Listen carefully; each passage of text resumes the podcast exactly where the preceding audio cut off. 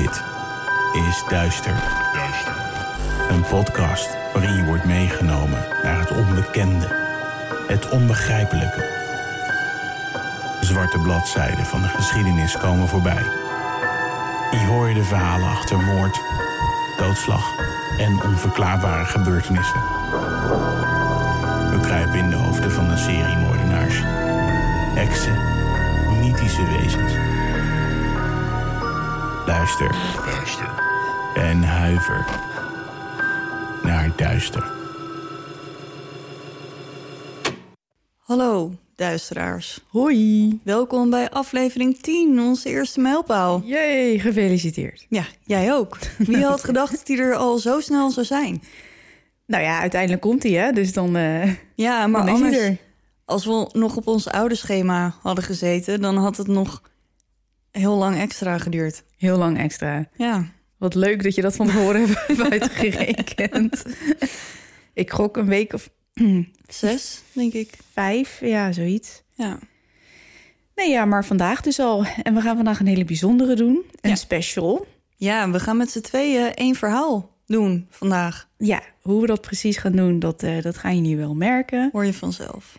Eh, maar het worden wel twee... eh, oh, dan ga ik het alsnog verklappen. Ja. Oké, ik hou gewoon mijn mond. Ja, Ja. lijkt me beter. Ja, en ehm, nu je toch je mond dicht hebt... Mhm. Ehm, ik dacht, eerste mijlpaal, ik ga wat leuks doen. Oh, Ja, wacht Vertel. even. Spook? Ja. Kan je even hier komen? Ik dacht, de tiende, ik ga een cadeautje voor jullie kopen. Oh. Dus dat heb ik gedaan. En die Nou ga ja. ik nu uit mijn tas halen. Oh, wat spannend. Knisper de knisper. Ik kan er niet bij. Pak hem maar uit. Doe nou uitpakken. Ik heb een pakketje.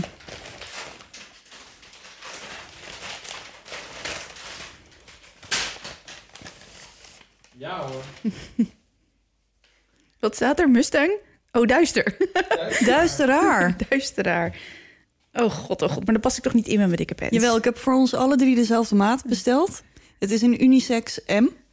Dus ik dacht, daar past XS hè? en het spook in en ik en een zwangere buik. Oh, deze is voor ons beiden. Nee, ik heb er ook één. Nou, wat leuk. Dus voor het hele duister team hebben we nu duister t-shirts. T-shirts. Oh, wat leuk. Nou, dankjewel. Het spook, het staat je, het staat je prachtig. En voor de mensen die dit dus allemaal niet zien, het is een zwart t-shirt met in het wit met ons lettertype duisteraar. We maken wel even een foto zo. Ja. En dan gaan we die even op de socials posten. Leuk hoor. Dus nou ja, dat ter ere van eh, de tiende aflevering. En nu we het toch over de socials hebben. Wij hebben afgelopen week eh, geprobeerd om te ontsnappen uit duct tape. Uh-huh. En daarbij hebben we onszelf gefilmd. Mhm. Dus als je ons nog niet gezien hebt en je wil ons graag zien ontsnappen uit eh duct tape, als je gekidnapt wordt, kijk dan even op de socials. Ja, hij, ik heb hem op Instagram gehighlight. Dus als die van de story verdwenen is, dan vind je hem nog onder de highlights. Ja, en op de Facebook staat hij gewoon als post. Yes. En op YouTube. En Voor- probeer het thuis. Ja, probeer het echt thuis. zijn benieuwd of het anderen ook lukt. Ja, en wel even een tip van mij, want ik zit nu naar mijn ontvelde pols te kijken. Doe iets met lange mouwen aan. Want ik heb dus gisteren ehm, mezelf een beetje ontveld. Het Ja. was niet heel ernstig, maar tip van ons, doe even iets met lange mouwen Tip, aan. tipje van de dag. Ja. nou, gaan we beginnen? Ja, laten we maar gewoon beginnen met deze special. Heel special.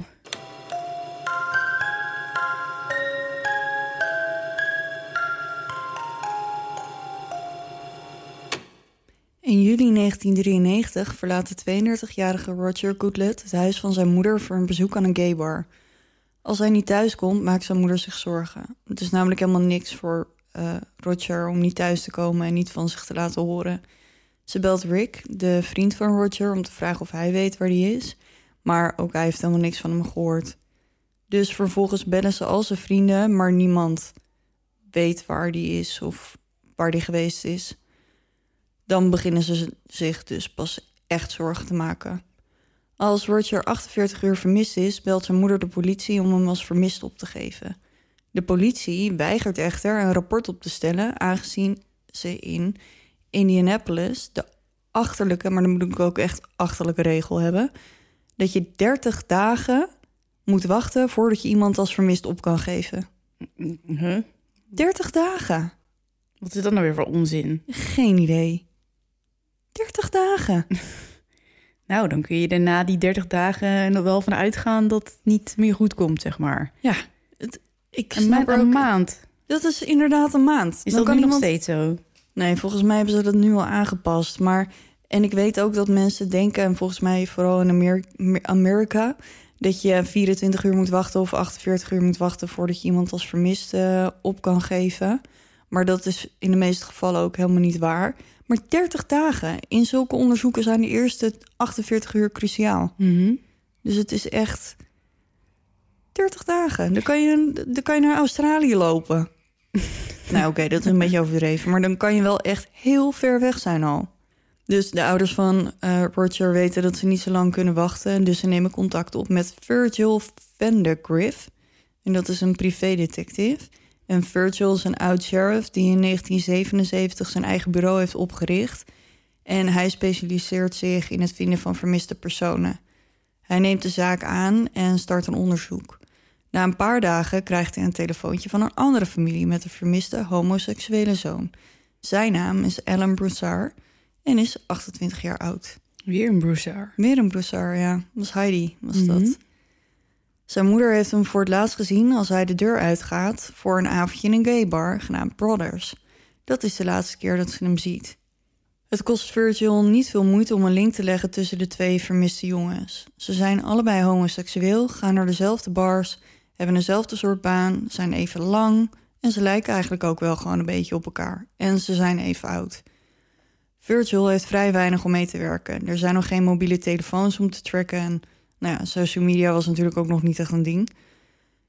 Dus wat dat betreft was het een stuk moeilijker om iemand te vinden dan dat het nu is. Dus hij laat posters maken en eh, brengt die rond in de gaybars in de omgeving. Zijn medewerkers ondervragen alle personeel in de bars voor informatie.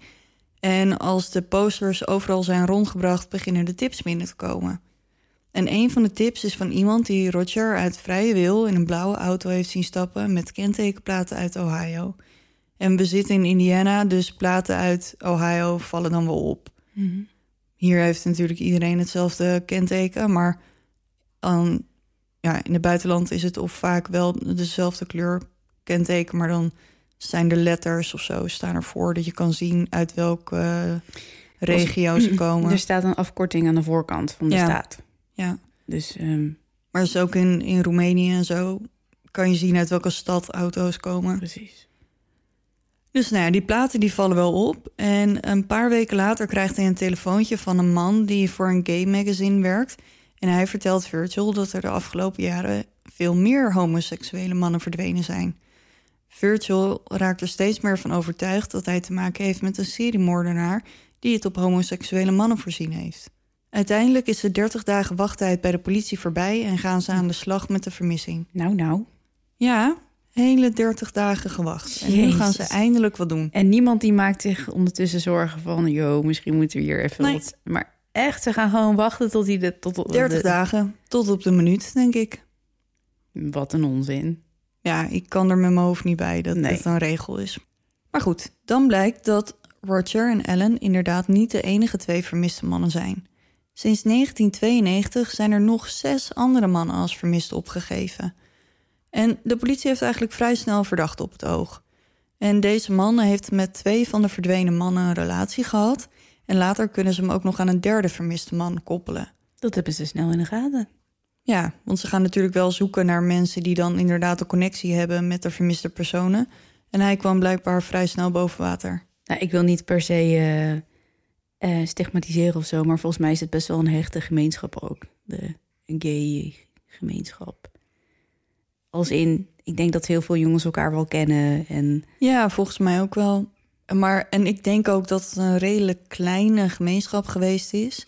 Want Indiana was, is nu conservatief, maar toen echt heel conservatief. oh, Ehm, dus ja, het kan best wel zijn dat het een best wel hechte gemeenschap is, inderdaad. Ja, ja.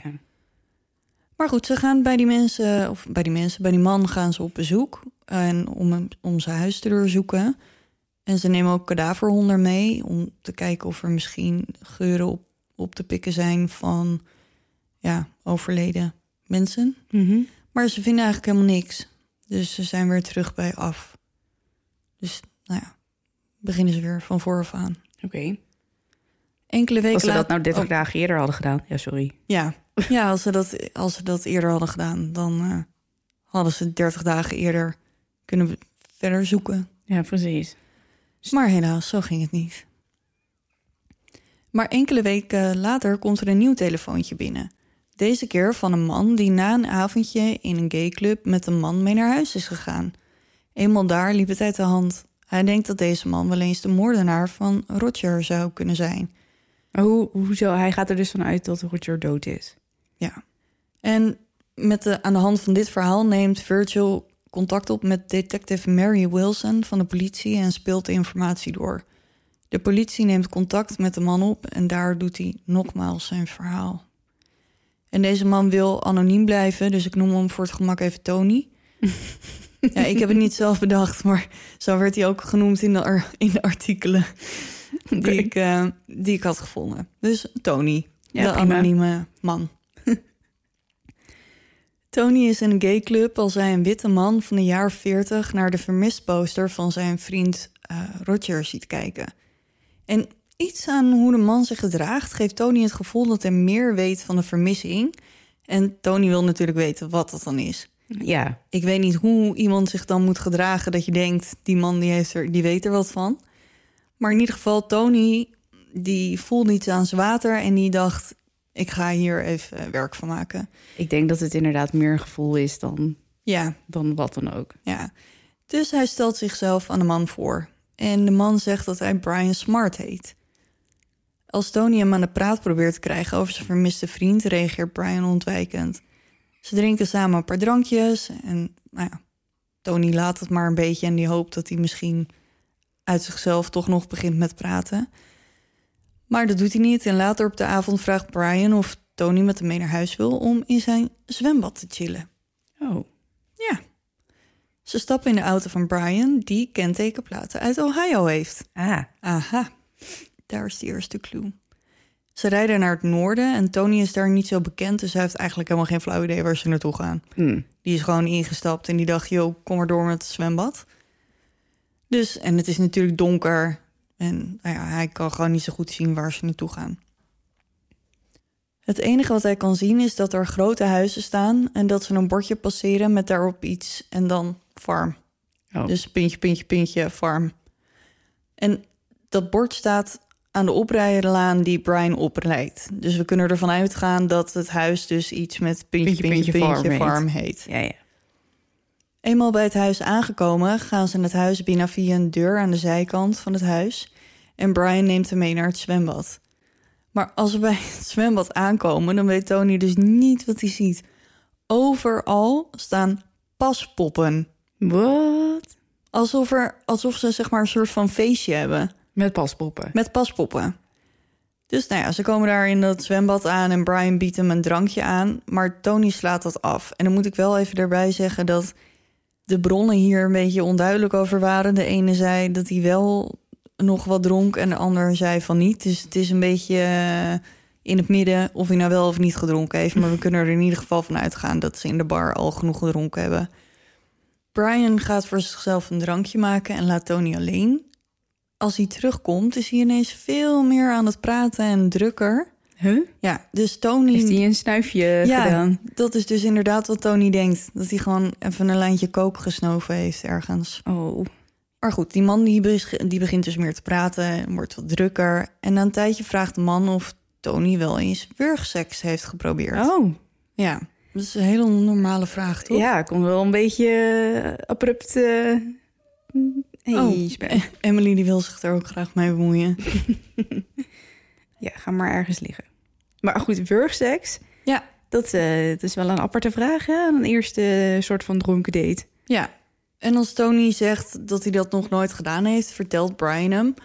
dat wurgseks het seksuele genot vergroot. Ja, ik heb daar wel ooit eens wel wat over gehoord. Het schijnt wel echt zo te zijn. Ja. Maar echt, mijn, eh, mijn straatje is het niet. Nee, mijn ook niet. Maar goed, hij vraagt aan Tony of hij het wil proberen. En, wat wil die? Nou ja, Tony is natuurlijk een beetje dronken van de drankjes in de bar. En of hij nou wel of niet nog een drankje daar heeft gedronken. Maar goed, die st- hij stemt toe. Oh, sukkel. En Tony wurgt eerst Brian met een tuinslang, terwijl Brian tegelijkertijd masturbeert. Dan is het de beurt van Tony en Brian bindt de slang om zijn nek en trekt hem strak. Als Tony op een gegeven moment echt geen lucht meer krijgt, realiseert hij zich dat Brian helemaal niet van plan is om te stoppen. Hij is gewoon bezig om hem te vermoorden. wat? Ja, En dat kan hij zich nog bedenken. ja. En ondanks de paniek die Tony voelt, is hij nog steeds in staat na te denken en hij doet het eerste wat er bij hem opkomt. In plaats van terug te vechten, doet hij alsof hij het bewustzijn verliest. Oh. Hij laat zijn lichaam verslappen en Brian laat de tuinslang vieren. Oh, dat is best wel slim van hem. Ja, want je denkt dan natuurlijk... Ja, in paniek wil je die slang Wil je gaan vechten en dan gaat het natuurlijk alleen maar nog, dan wordt het heftiger. Ja, terwijl als je inderdaad doet alsof je al dood bent... dan heeft de wurger natuurlijk niet heel veel... ehm, Ja, iets doods kun je niet nog verder wurgen nee, natuurlijk. het wordt niet echt doder. Nee. dat is best wel slim van hem. Ja, heel slim. En uiteindelijk krijgt hij dus gewoon weer lucht. Als hij uiteindelijk zijn ogen weer open doet, lijkt Brian verrast. Alsof hij niet verwacht had dat Tony nog bij zou komen. Tony denkt aan zijn vermiste vrienden en vraagt zichzelf af of zij misschien slachtoffer zijn geworden van dit wurgspelletje. En dat is natuurlijk niet heel gek als Nee, je dat hij vriend dat vermist is en jij wordt net bijna gewurgd totdat je echt geen lucht meer krijgt. Ja, Oké, dus hij ligt daar op de grond die gast aan te kijken. Ja. En die waarschijnlijk al zijn vrienden heeft vermoord. ja, of in ieder geval een paar. En, nu? Ze gaan naar bed Huh? en ze hebben geen seks. Niet? Nee. Nee, want het is toch al half een soort van gelukt. Ja, soort van, ik weet niet in hoever, maar... Nee. Dus ze gaan naar bed. En s ochtends maakt eh, Tony hem wakker. Zo van, yo, breng me even naar huis. en dat deed hij. Nee joh. Ja. The one that got away. Ja. Ja, en de politie vraagt zich dus ook af... waarom, Waarom? waarom Brian niet nog een poging deed om Ja. Tony te vermoorden. Maar ze denken dus dat het komt omdat Tony veel groter is dan de rest van de mannen die verdwenen zijn. Tony is ongeveer 2 meter lang, terwijl de rest van de vermiste mannen zo'n 1,80 meter waren. En dus voor Brian makkelijker te overmeesteren. Hmm, Ja, een kerel van 2 meter is natuurlijk wel echt behoorlijke man, ja. Tony geeft de politie een beschrijving van Brian en de politie gaat op zoek naar de man in gaybars in de omgeving, maar ze vinden niemand die aan de beschrijving voldoet. Dan een week nadat Tony ternauwernood aan de dood ontsnapt is, neemt Brian contact met hem op. Oh? Ja, de politie traceert het telefoontje en dat leidt ze naar een telefooncel. Oh, Ja, daar hebben ze dus niks aan. nee. De politie is bang dat Brian bezig is om losse eindjes weg te werken. En ze maken zich best wel zorgen om Tony. Want Tony is natuurlijk Nu de al. enige die hem kan identificeren. Ja, nu al. Ja. Nadat ze eerst 30 dagen niks deden. Ja. Niet veel later komt er bij Virgil een telefoontje binnen, wederom van Tony. Brian is ineens bij zijn huis verschenen en hij is bang dat hij alsnog een slachtoffer van de man wordt. Virgil en de politie zien echter mogelijkheden. Tony is namelijk de enige link die ze hebben met Brian. Ze halen Tony over om een afspraak met hem te maken. Tony staat natuurlijk niet echt te springen bij het idee, maar de politie verzekert hem dat hij veilig is. Tony maakt de afspraak op een openbare locatie en de politie post op het parkeerterrein. Ze wachten urenlang, maar Brian komt niet opdagen. En ze weten niet of dit is omdat hij bang is dat het een val is of dat hij gewoon verhinderd is. Nu de politie weer terug bij af is, nemen ze de eerste verklaring van Tony nog eens door op zoek naar nieuwe aanwijzingen. In de verklaring lezen ze dat de man Tony heeft verteld dat hij uit Ohio komt en als hovenier werkt. Dit is ook de reden dat hij de grote villa tot zijn beschikking heeft. Hij zou er aan het werk zijn terwijl de eigenaars niet aanwezig zijn en hij past tegelijkertijd op het huis. Tony herinnert zich ook dat hij langs de weg een bordje had zien staan met erop het woord farms en dat de oprijlaan naar de villa lang en bochtig was. Dus dat van die farms, dat wisten we al. Doordat de man zegt dat hij uit Ohio komt, worden ze herinnerd aan de getuigen die Roger in een blauwe auto heeft zien stappen met kentekenplaten uit Ohio. Ze hebben nu een reden om aan te nemen dat Brian connectie heeft met Ohio, dus ze bereiden een onderzoek uit. Ze nemen contact op met David Lindlof. Hij werkt als onderzoeker voor de openbaar aanklager in Ohio. Als ze hem op de hoogte brengen van hun onderzoek, komt hij met een schokkende onthulling. Hij vertelt ze dat hij zelf ook onderzoek doet naar onopgeloste vermissingen, de zogeheten I-17 murders. Dit zijn moorden gepleegd in 1985, 86 en 89. En de manier waarop zijn slachtoffers zijn verdwenen lijkt verdomd veel op de vermissing van Roger en Ellen. Alle slachtoffers waren gewurgd, kwamen uit de buurt van Indianapolis en ze kunnen er eigenlijk alleen maar van uitgaan dat deze moorden door één persoon zijn gepleegd. In 1990 vinden ze nog een slachtoffer. Ook hij is gewurgd, komt uit de buurt van Indianapolis en ging graag uit in gayclubs. Uiteindelijk vinden ze negen lichamen gedumpt langs de snelweg, de I-70. Met al deze nieuwe informatie kunnen ze eigenlijk niet meer omheen. Deze zaken moeten wel met elkaar te maken hebben. Ze hebben natuurlijk van Tony gehoord dat Brian dol is op wurgen en de slachtoffers in Ohio vertonen veel overeenkomsten met die in Indianapolis. Jarenlang doet Lindhoff onderzoek naar de moorden zonder ooit maar één stap vooruit te komen. Met de nieuwe informatie die hij heeft verkregen schakelt hij de FBI in. Vijf FBI-agenten gaan met de zaak aan de slag en stellen aan de hand van alles wat ze weten een daderprofiel op. Ze denken dat ze iemand zoeken van een jaar 40 die toen hij begon met moorden eind 20, begin 30 was. Hij is getrouwd en heeft het er moeilijk mee dat hij homoseksueel is. Hij wordt steeds beter in wat hij doet en zal niet stoppen voor hij gepakt wordt. Het is heel handig dat ze nu zo'n profiel hebben, maar ook dit helpt het onderzoek niet op gang. Tot er iets gebeurt wat het wel doet. En dat heeft alles te maken met superheld Tony. Oh, Tony zit in een van zijn favoriete kroegen als hij ineens Brian Smart in het oog krijgt. oh. Hij verstopt zich een beetje en houdt Brian ondertussen goed in de gaten. En als hij ziet dat Brian de bar verlaat, vraagt hij aan een vriend om achter Brian aan te gaan. De vriend neemt een andere deur dan Brian en komt tegelijkertijd met hem buiten. En hij volgt Brian naar zijn auto en als hij hem in ziet stappen, noteert hij gelijk het kenteken op een briefje. Slim. Heel slim. Tony die neemt gelijk contact op met de politie en eindelijk hebben ze iets om mee aan de slag te gaan. Nou, hè. Het werd tijd. Het eerste wat de politie natuurlijk doet is het kenteken natrekken. En wat blijkt? De auto blijkt geregistreerd te zijn op naam van Herbert Baumeister. Oh, dat is Dus niet Brian. Dat is eh, niet Brian Smart, nee. Brian not so smart. Nee, is zeker not so smart, yes. Ze snorren een foto van Herb op en laten deze aan Tony zien. Tony is er bijna zeker van dat deze Herbert de man is die hem heeft geprobeerd te vermoorden. Helaas heeft de politie er niet genoeg aan om achter Herbert aan te gaan. Ze hebben hard bewijs nodig. Ze hebben op dit punt niets te Maar verliezen. hoezo niet?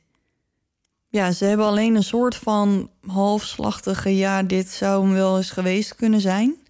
van Tony. Ja, maar als die gast die bar binnenloopt, die Brian, en Ja. hij denkt gelijk, "Oh, daar is hij. Ja, Dan weet je het toch dat dat, dat hem is? Ja, maar je hebt inderdaad wel iets meer bewijs nodig dan alleen dat. Nou ja, weet ik niet. Nou ja, blijkbaar wel. Ja. Want anders dan, anders dan zou het natuurlijk al een stuk vlotter gegaan zijn. Jawel. Ik vind het af en toe zo onbegrijpelijk. Ja, ik snap ook van de helft van, van al die regels en dingen ook echt helemaal niks. Maar Herbert dus. Ze hebben op dit punt niets te verliezen, dus duiken in het leven van Herbert. Want wie is Herb? Herbert Richard Baumeister wordt geboren op 7 april 1947. Zijn vader is Dr. Herbert E. Baumeister en zijn moeder is Elizabeth Baumeister. Dat maakt Herb dus Herbert Jr., maar vanaf nu gewoon Herb. Mhm. Zijn vader is een anesthesist en zijn moeder is huisvrouw. Samen krijgen ze vier kinderen, waarvan Herb de oudste is. Voor zover we weten heeft Herb gewoon een hele normale jeugd, tot hij rond zijn dertiende begint te veranderen. Herb ontwikkelt namelijk een obsessie voor gruwelijke en smerige dingen en zijn humor wordt steeds zwarter. Op zijn school gaan er geruchten dat hij op het bureau van een van zijn leraren heeft geplast. En op, een dag, ja, en op een dag neemt hij een dode vogel mee naar school die hij langs de weg heeft gevonden. En die legt hij op het bureau van zijn leraar.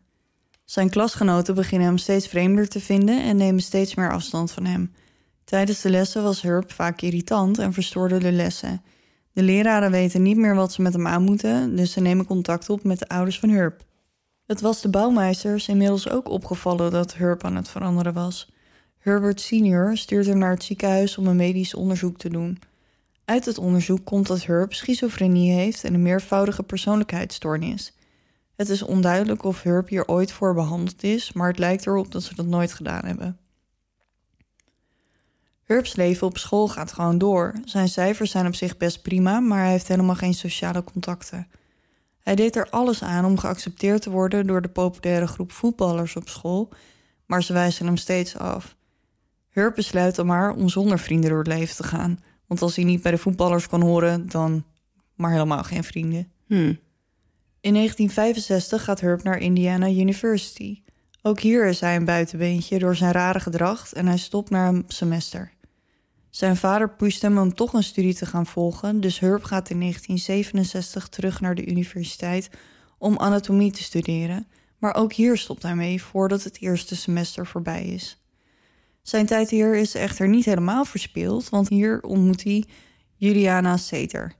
Ze beginnen te daten en ontdekken dat ze veel gemeen hebben. Ze willen allebei ondernemer worden en dromen ervan ooit een eigen zaak te beginnen. In 1977 trouwen ze.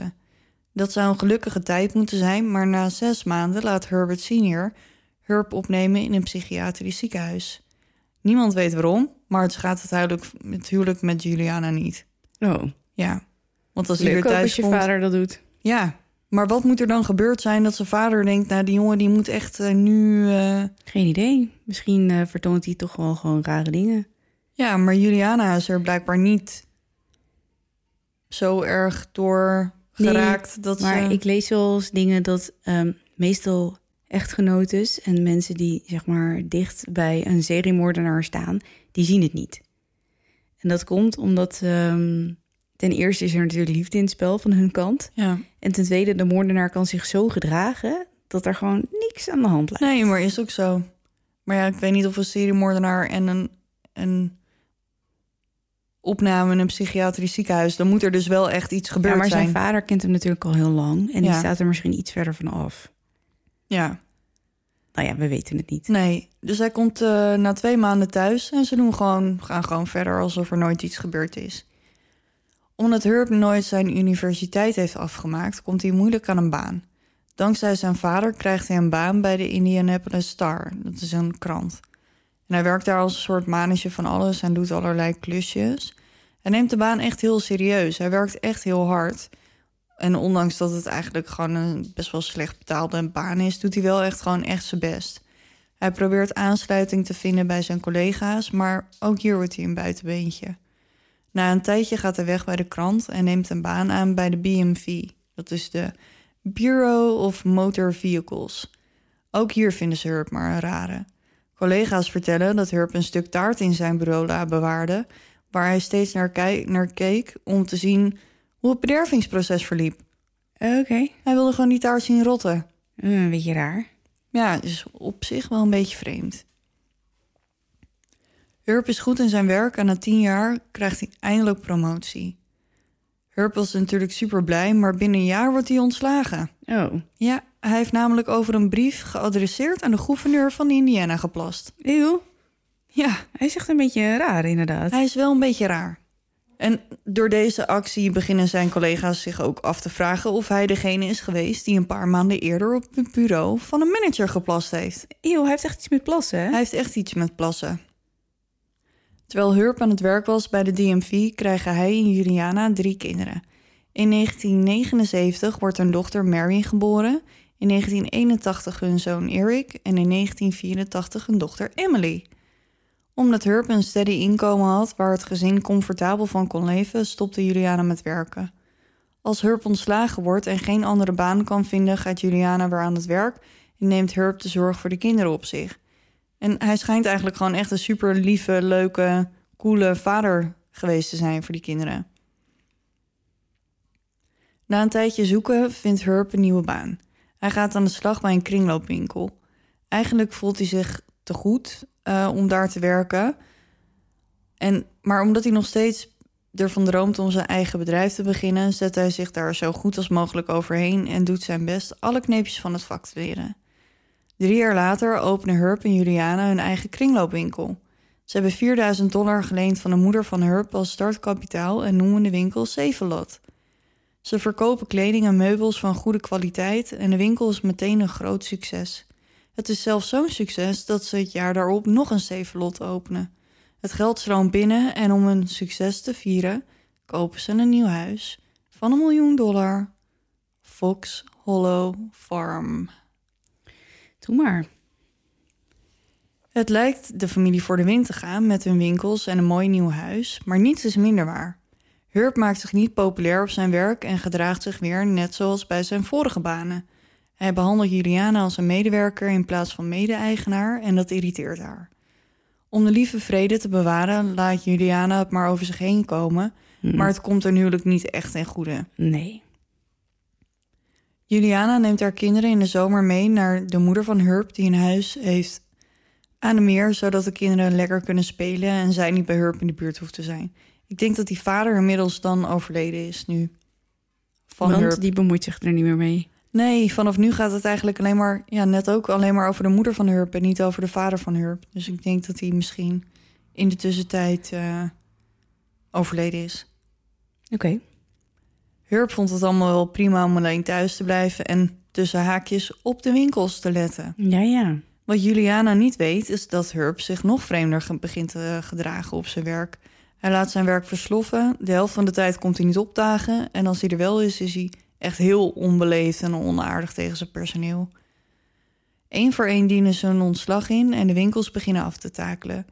Als gevolg daarvan verliezen de winkels een hoop klanten en dus ook inkomsten.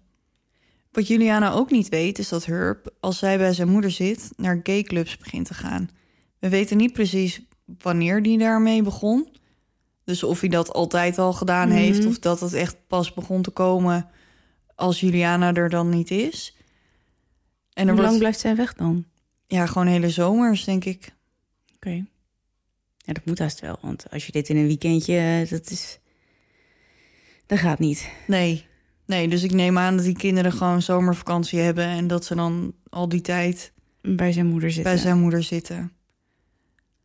Er wordt vanuit gegaan dat Herb eigenlijk homoseksueel is, maar niet uit de kast wil komen.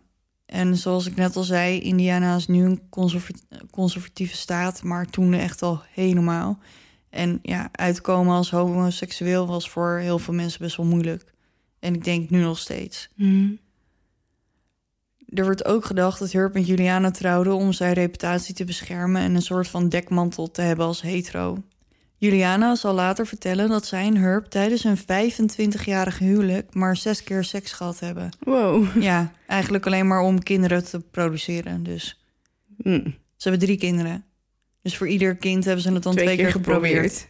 Ja, 25 jaar, Jeetje. zes keer. Nee, dat is niet, eh, niet best, nee. Nee. Maar goed, we hebben nu de achtergrond eh, van Herb en we gaan weer door met het onderzoek. Ja.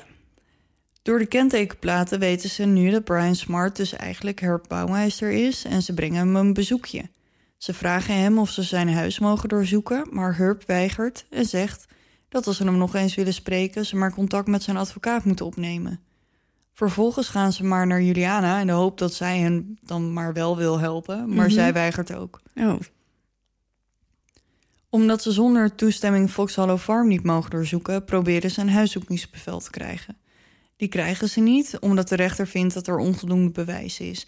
En daar moeten we ook eventjes rekening mee houden dat dat huis staat natuurlijk in een hele rijke buurt.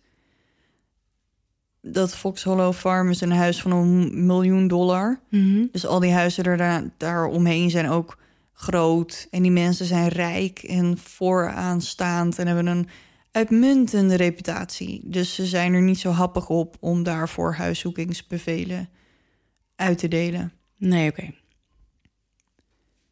In de maanden daarna begint Herb in te storten en dat doet zijn huwelijk met Juliana geen goed.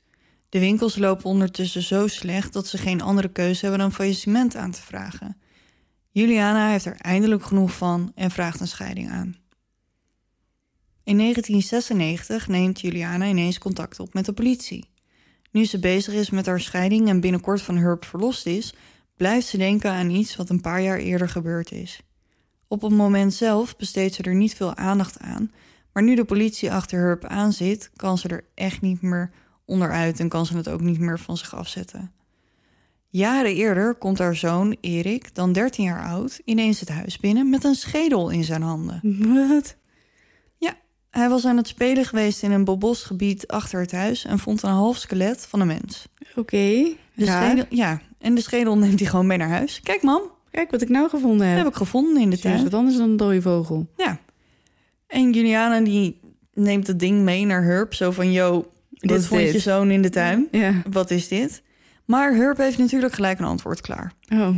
Hij vertelt haar dat hij na het overlijden van zijn vader, die arts was, zijn skelet mee naar huis had genomen. Op een dag was hij de garage aan het opruimen en stuit op de skeletten en Herb besluit ze maar gewoon in de tuin te begraven. Oh, tuurlijk. Dat Ah ja. zou ik ook doen. Gelukkig was hij al een beetje raar, dus... Ja, dit kan er dan ook nog, eh, nog wel bij. Dus Juliana die gelooft hem. tuurlijk. En het leven op Fox Hollow Farm gaat gewoon verder waar we gebleven waren. Aha. Nu Juliana beseft dat er echt iets raars aan de hand is met Herb, Oh, duurde even, ja, ja. geeft ze de politie toestemming Fox Hollow Farm te doorzoeken als Herb en Erik op bezoek zijn bij de moeder van Herb. Mary Wilson gaat samen met drie agenten naar Fox Hollow Farm en beginnen hun onderzoek. Als ze in de tuin lopen, zien ze iets wat op kiezeltjes lijkt, maar als ze beter kijken, zijn het stukjes pot. Ah. Hiermee hebben de kinderen van Herb en Juliana gewoon gespeeld. Oh. Stukjes bot. Dus gewoon vingerkootjes en Oh, zo. nee. Ja, wel. Ik kan er niet iets anders van maken. De lage botjes. Na deze ontdekking nemen ze contact op met een forensisch team die het hele terrein uit moeten komen. En het is best wel groot, want het is een villa op een enorm stuk land, zeg maar. De dag daarna beginnen ze samen met de brandweer het land van Herb om te spitten op zoek naar nog meer botten. En al snel blijkt dat er meer botten zijn. Veel en veel meer botten. Zelfs op het land van de buren vinden ze fragmenten. Wow. Ze vinden ongeveer 5500 botten en tanden. 5500 botten en tanden. Hoeveel mensen zijn dat? Ze denken dat ze nog steeds niet alles hebben gevonden en dat er nog meer moeten liggen die ze nu niet konden vinden. Ze schatten dat ze bij elkaar de botten van 11 mannen hebben gevonden. Oké. Ze kunnen er maar acht identificeren. De slachtoffers waren Roger Goodlet, Stephen Hill, Richard Hamilton, Manuel Resendez, Mike Kieran, Johnny Bayer, Alan Broussard en Jeff Jones. De overige slachtoffers worden nooit geïdentificeerd. Heftig. Dat is heel heftig. Herb heeft op dit moment natuurlijk geen flauw idee wat er bij zijn huis aan de gang is en Juli- Juliana maakt zich zorgen om Erik. Ze is bang dat als Herb thuis komt en hoort wat er gebeurd is, dat hij dan Erik misschien wel wat aandoet. Uit voorzorg wachten ze met de arrestatie van Herb en zorgen er eerst voor dat Juliana de voogdij over Erik terugkrijgt en Erik veilig bij zijn moeder terug is. Dan brengen ze het hele verhaal pas naar buiten. Maar, surprise! Als Herb hoort wat er aan de hand is, neemt hij gelijk de benen. Mhm. Dat hadden ze kunnen verwachten natuurlijk. Ja, en waarom ze hem niet eerst gearresteerd hebben, is me echt een raadsel. Want Hoe snel blijkbaar heeft is zij die scheiding er doorheen gekregen dan? Ja, weet ik niet. Supersnel dus. Ja, maar goed, het, zij heeft natuurlijk dat, dat land laten doorzoeken. En dus dat... Kijk, die scheiding zal hem niet zoveel gedaan hebben. Maar wel het feit dat er dus al twee weken lang po- politie op zijn land Ja, precies. aan het zoeken was. Hij gaat de grens over naar Canada en op 3 juli wordt zijn levenloze lichaam gevonden door een groepje hikers in Pinery Provincial Park in Ontario. Hij heeft een schotwond in zijn voorhoofd en naast hem ligt een 357 Magnum revolver. Oké, dus die eh, heeft eh, Die is er niet meer. de hand aan zichzelf gelegd. Ja. Ze vinden ook een afscheidsbrief van drie kantjes waarin Herb uitlegt dat hij het falen van zijn bedrijf, het fa- faillissement en de scheiding allemaal niet kon handelen en ervoor gekozen heeft zijn eigen leven te beëindigen. Hij rept met geen woord over de verdwenen mannen en de botten bij zijn huis. Herb zal dus nooit verantwoording af hoeven leggen voor zijn daden en de families van de slachtoffers zullen nooit de antwoorden krijgen op de vragen die ze al die jaren met zich mee moeten dragen. Na zijn dood helpt Juliana de politie puzzelstukjes van de I-17-moorden in elkaar te leggen. Ze overhandigt de politie bonnetjes die aantonen dat Herb ten tijde van de moorden gebruik heeft gemaakt van de 170 of I-70. Nadat Herb en Juliana naar Fox Hollow Farm verhuizen, vinden ze geen nieuwe lichamen langs de weg. De politie denkt dat dit komt omdat Herb nu zoveel land om zijn huis heeft dat hij ze daar kan verbergen in plaats van ergens achter hoeft te laten. De politie denkt dat Herb tot wel 27 mensen vermoord heeft. Hm. Dat maakt hem tot een van de grootste seriemoordenaars die Indiana ooit gekend heeft. Heftig. En dat was het verhaal van Herb Bouwmeister. Oké, Ga jij, eh, zal ik gelijk doorgaan? ga jij verder? Ja, want eh Bouwmeister, die was dan wel zo dood als een bier. Het huis waar hij woonde, Fox Hollow Farm, dat bleef springlevend. Het huis. Het huis. De huidige eigenaren, de familie Graves, wel een toepasselijke naam, vind Ja. ik, maar niet heus, zeggen dat het er zo erg spookt dat ze een paranormaal team lieten komen om onderzoek te doen en er uiteindelijk zelfs een boek over schreven. Maar het begint allemaal bij Vicky, een lady of the manor, zeg ik maar even, want zij had de eerste ervaring met een geest van Fox Hollow Farm. Rob Graves en zijn vrouw Vicky willen ontsnappen aan het stadse leven en gaan op zoek naar een huis met meer ruimte en een plek voor hun paarden. Van buiten lijkt Fox Hollow Farm perfect. Het huis staat op een enorm stuk grond, zo'n 4 hectare, maar het huis is een koopje. Een makelaar wordt ingeschakeld en het gezin mag het huis van binnen bekijken. Het huis, omgeven door bossen, is echt prachtig. Een oude paardenranch met een tennisbaan en een overdekt zwembad met genoeg ruimte voor de kinderen. Oh, ik dacht dat je ging zeggen met paspoppen. Nee, toen niet meer. Eh, Rob begint zich af te vragen waarom er in een huis dat zo begeerlijk lijkt niemand woont. Terwijl hij hierover nadenkt, realiseert hij zich dat dit misschien wel het ene huis is waar hij laatst iets over heeft gehoord op het lokale nieuws. Rob haast zich naar de makelaar en vraagt of dit soms het huis van Herbert Bouwmeister is geweest. Het gezicht van de makelaar vertrekt, de man mompelt wat en ja hoor, dan komt het hoge woord eruit. Het is inderdaad het huis van Herbert Bouwmeister. Vandaar dus de goede deal. Ja, want dat raak je natuurlijk van straatstenen niet kwijt. Nee. Na enige wikken en wegen besluit de familie Graves om in eind mei 2006 het huis te kopen. Het feit dat dit huis van de meest gevreesde seriemoordenaar van Indiana is geweest, daar moeten ze dan maar aan wennen. Het gezin trekt in het huis en de eerste maanden zijn er heerlijk. Het zwembad, de bossen, de kinderen kunnen hun geluk niet op. Als Vicky op een dag de kinderen voor het eten roept, ziet ze een man in een rood t-shirt vanaf de bosrand naar haar staan kijken. Ze schrikt een beetje en wil Rob roepen, maar het lukt haar even niet om haar stem te vinden. Dan draait de man zich om en loopt weg. En hij verdwijnt even later in een boom. In een boom. En Vicky heeft het gevoel dat ze droomt, dus ze staat er naar te kijken. En dan ineens realiseert ze zich dat de man helemaal geen benen heeft. Hij had geen benen. Hij had geen benen. Dus je moet je voorstellen, hij stond daar aan de bosrand. Hij Ja. draait zich om, loopt weg. En ineens woep, gaat hij in een boom. En dan denkt ze, oh god, die man had helemaal geen benen, joh. een paar dagen later is Vicky aan het schoonmaken als ineens de stofzuiger ermee ophoudt. Ze draait zich om en ziet dat de stekker uit het stopcontact ligt. Dus ze denkt, nou ja, misschien heb ik te ver gelopen en is mijn stekker eruit geschoten. Dat heb je Mhm. wel eens. Ze stopt de stekker terug in het stopcontact en de stofzuiger gaat weer aan. Ze draait zich om en meteen valt de stofzuiger weer stil.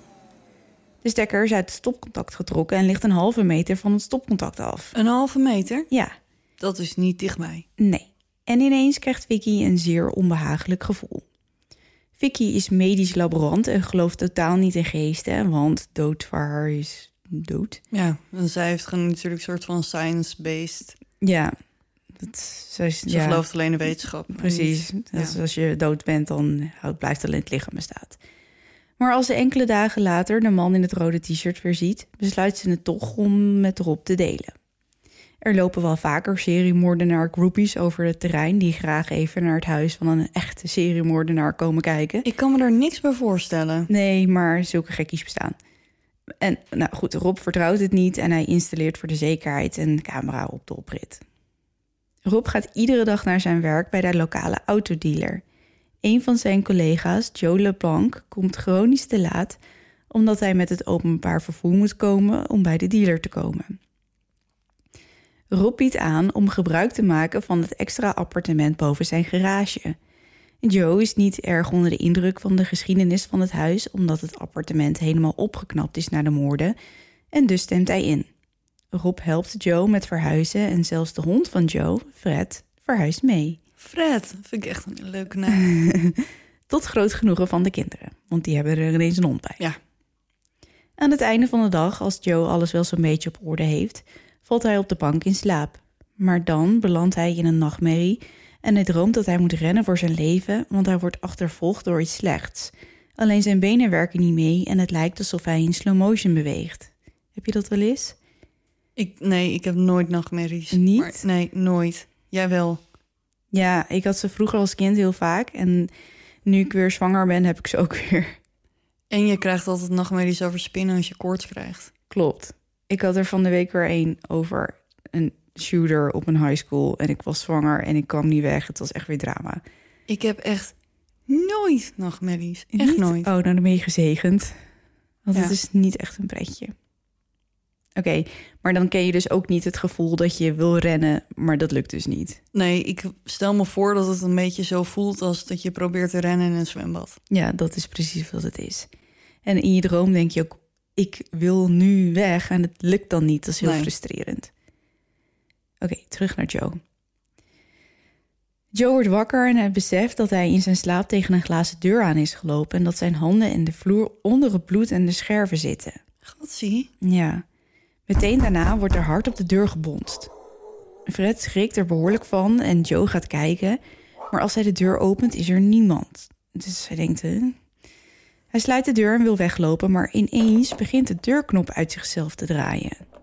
Amerikaanse deuren hebben vaak een ronde... Ja, een ronde knop. Ronde ik zie dit ook altijd in, eh in Enge horrorfilms. films. Ja, dat zo'n knop dan begint te trillen en draaien. En dan, ja. Ja. Joe staat ernaar te kijken en gelooft zijn ogen niet, maar die knop draait echt uit zichzelf en ineens stopt het.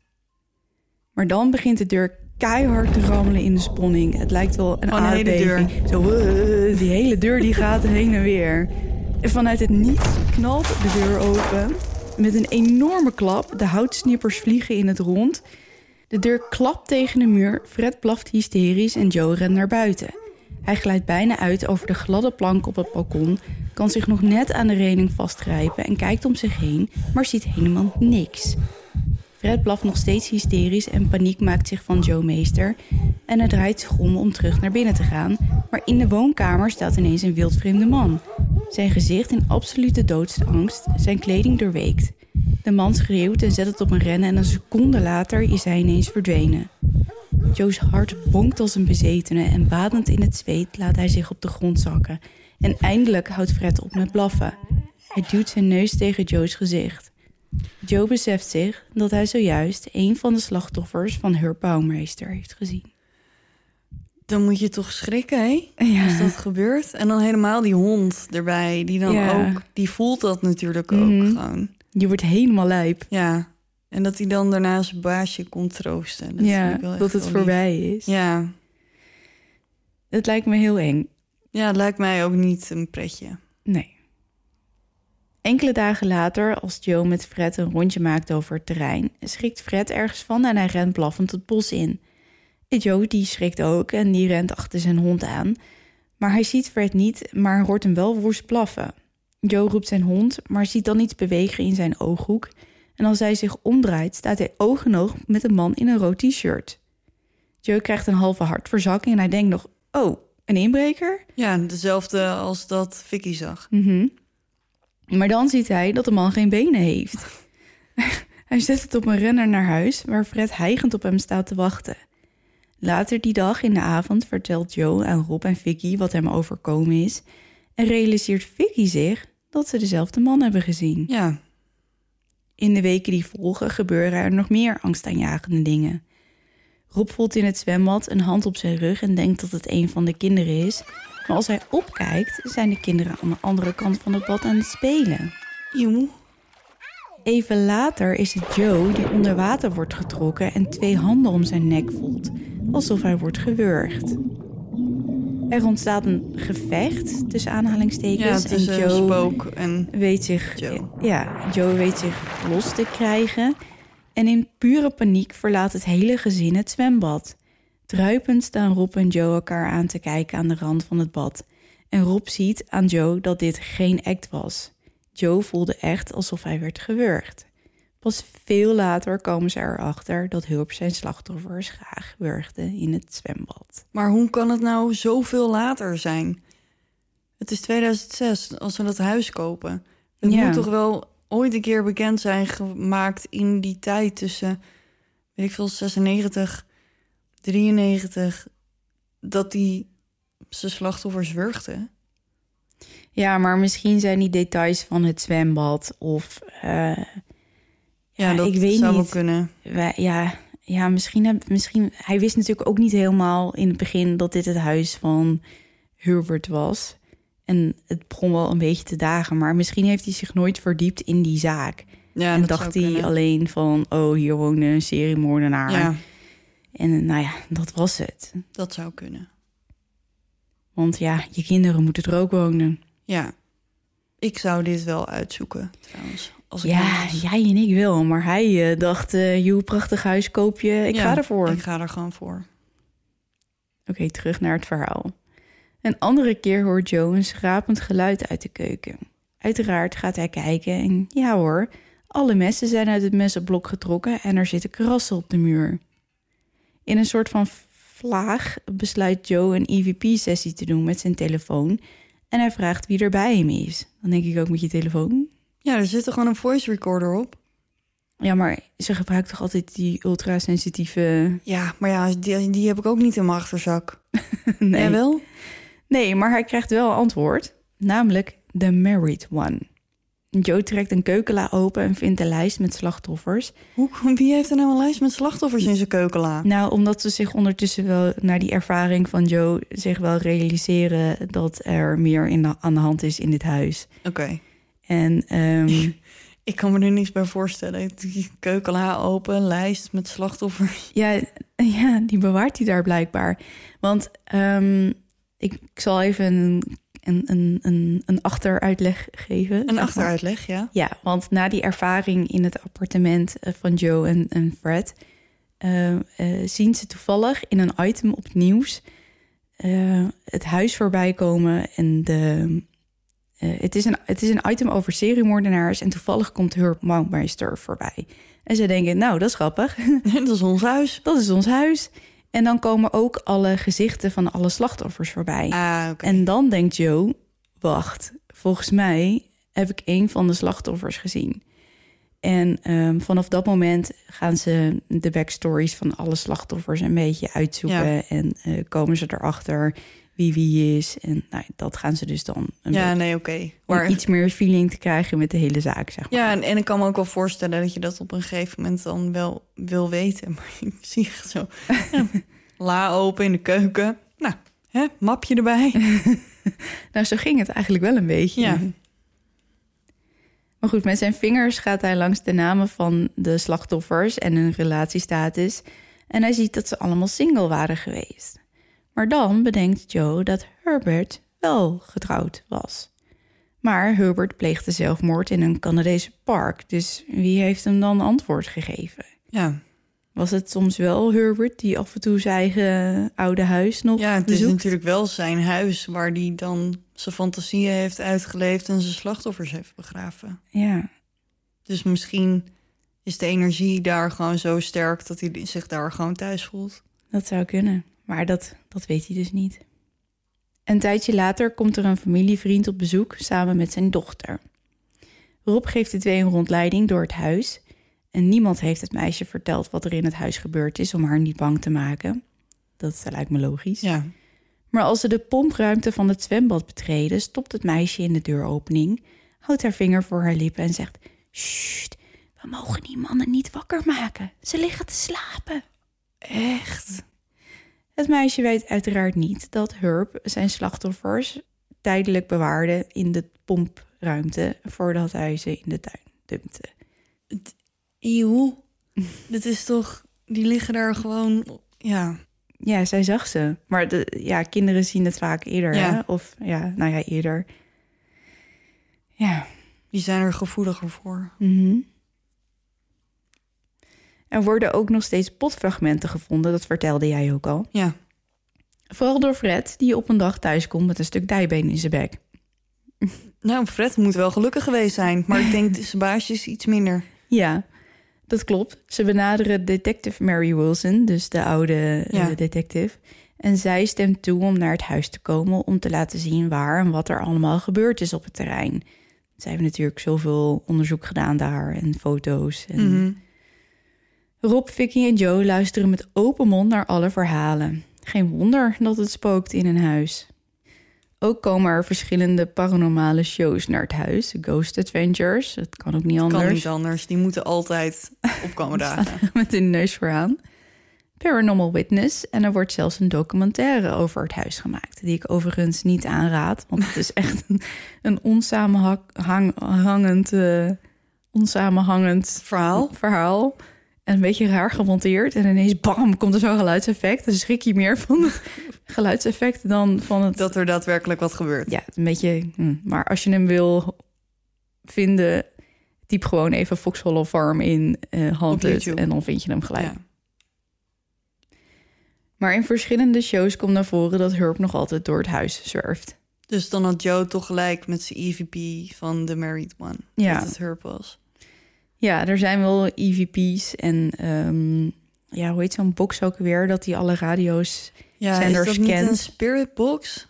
Is dat of een is spirit het een box? geo-box? Er zijn allemaal van die soort eh boxen. boxen.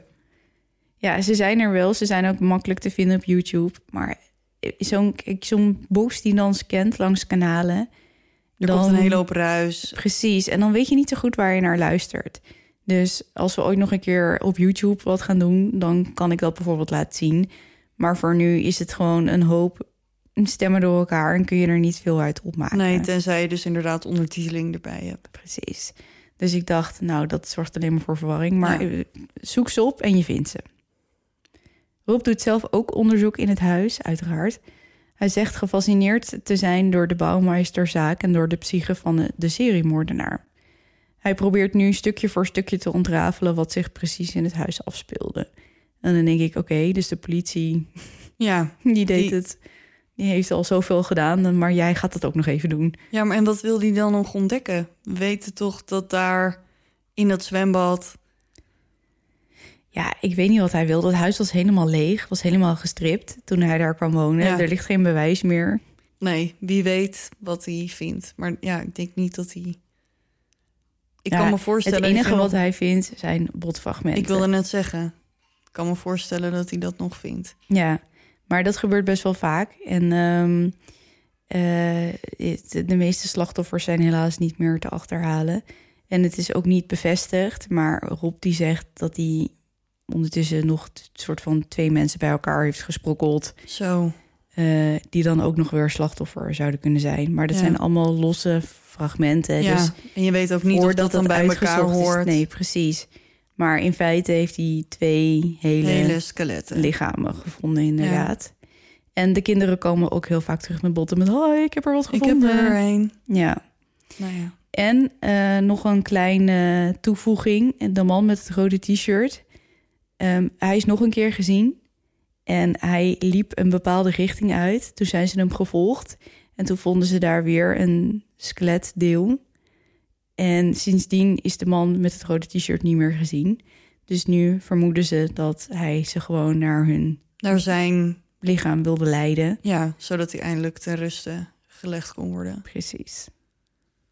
Dat is wel echt... Dat die man, die heeft dan waarschijnlijk al die tijd daar rondgelopen. Zo van, hier ben ik, hier ben Ja. ik, kom. Volg mij. Ja, Maar dat hij daar zo in het bos liep en dat Joe meteen zo oog in oog met die. ja Ja, dat, oh. Ehm, nou goed, je kunt er dus naartoe, naar Oh. Fox Hollow Farm. Als je dat graag zou willen. Nou, Het huis van een echte seriemoordenaar. Rob geeft namelijk eh, tours door het huis. ze beginnen om zeven uur in de avond en ze duren tot twee uur s'nachts. En het is toegestaan om je eigen EVP-recorder mee te nemen, als je dat wil. En je mag een uur alleen over het terrein zwerven. Eh, het kost je wel 90 dollar. Ja, tuurlijk, dat huis moet ergens van onderhouden worden natuurlijk. Maar zoiets zou ik dan eerder doen dan gewoon als een soort van groupie voor de deur van een huis te gaan staan. Nou, weet je wat ik vond? Ik vond ergens achter allemaal soort van rare naampjes op YouTube een, een filmpje waarbij iemand, denk ik, gewoon een stuk van die tour heeft gefilmd. Ergens Ja. ziet ook allemaal mensen ervoor staan. En wat die gast, die Rob dan vertelt, hij weet er wel veel van. Dus ik denk dat als je dit interessant vindt en je gaat daarheen, je krijgt wel waar voor je geld. En je Ja. mag zelf geestonderzoek doen Dat is ook wel leuk. met je eigen Ja. EVP-recorder. Maar ja, hè, ja, 90 dollar. Ja, het is niet, je bent niet alleen aan het zwerven ergens in een oud verlaten pand. Je bent met een groep van 12 mensen die allemaal hetzelfde doen. Ja, Dus dat geeft natuurlijk wel een iets andere sfeer. ja. Nee, maar het is meer, weet je, zoals ze in de eerste instantie dachten dat die man in het rode shirt gewoon een groepie was Mhm. die daar gewoon. Dat zou ik dus nooit doen. Maar zo'n tour zou ik dan nog wel overwegen. Ja. Maar ik zou nooit gewoon ergens voor de deur gaan liggen. Nee, ik zou dat inderdaad ook niet doen voor de deur gaan liggen. Nee. Volgens mij ben je dan ook gewoon aan het trashpassen. Ja. Dus dat mag al niet. Nee, en in Amerika weet je ook nooit wat je dan jezelf op de hals haalt als je per ongeluk Nee. een voet op iemand anders het terrein zet. Precies. Want dan mogen mensen zichzelf ook gelijk verdedigen. Ja, Dus ligt voor- er wel aan een beetje welke weten- staat ook. Heb je een gummiknuppel in je nek? Ja, dat moeten we niet hebben. Nee.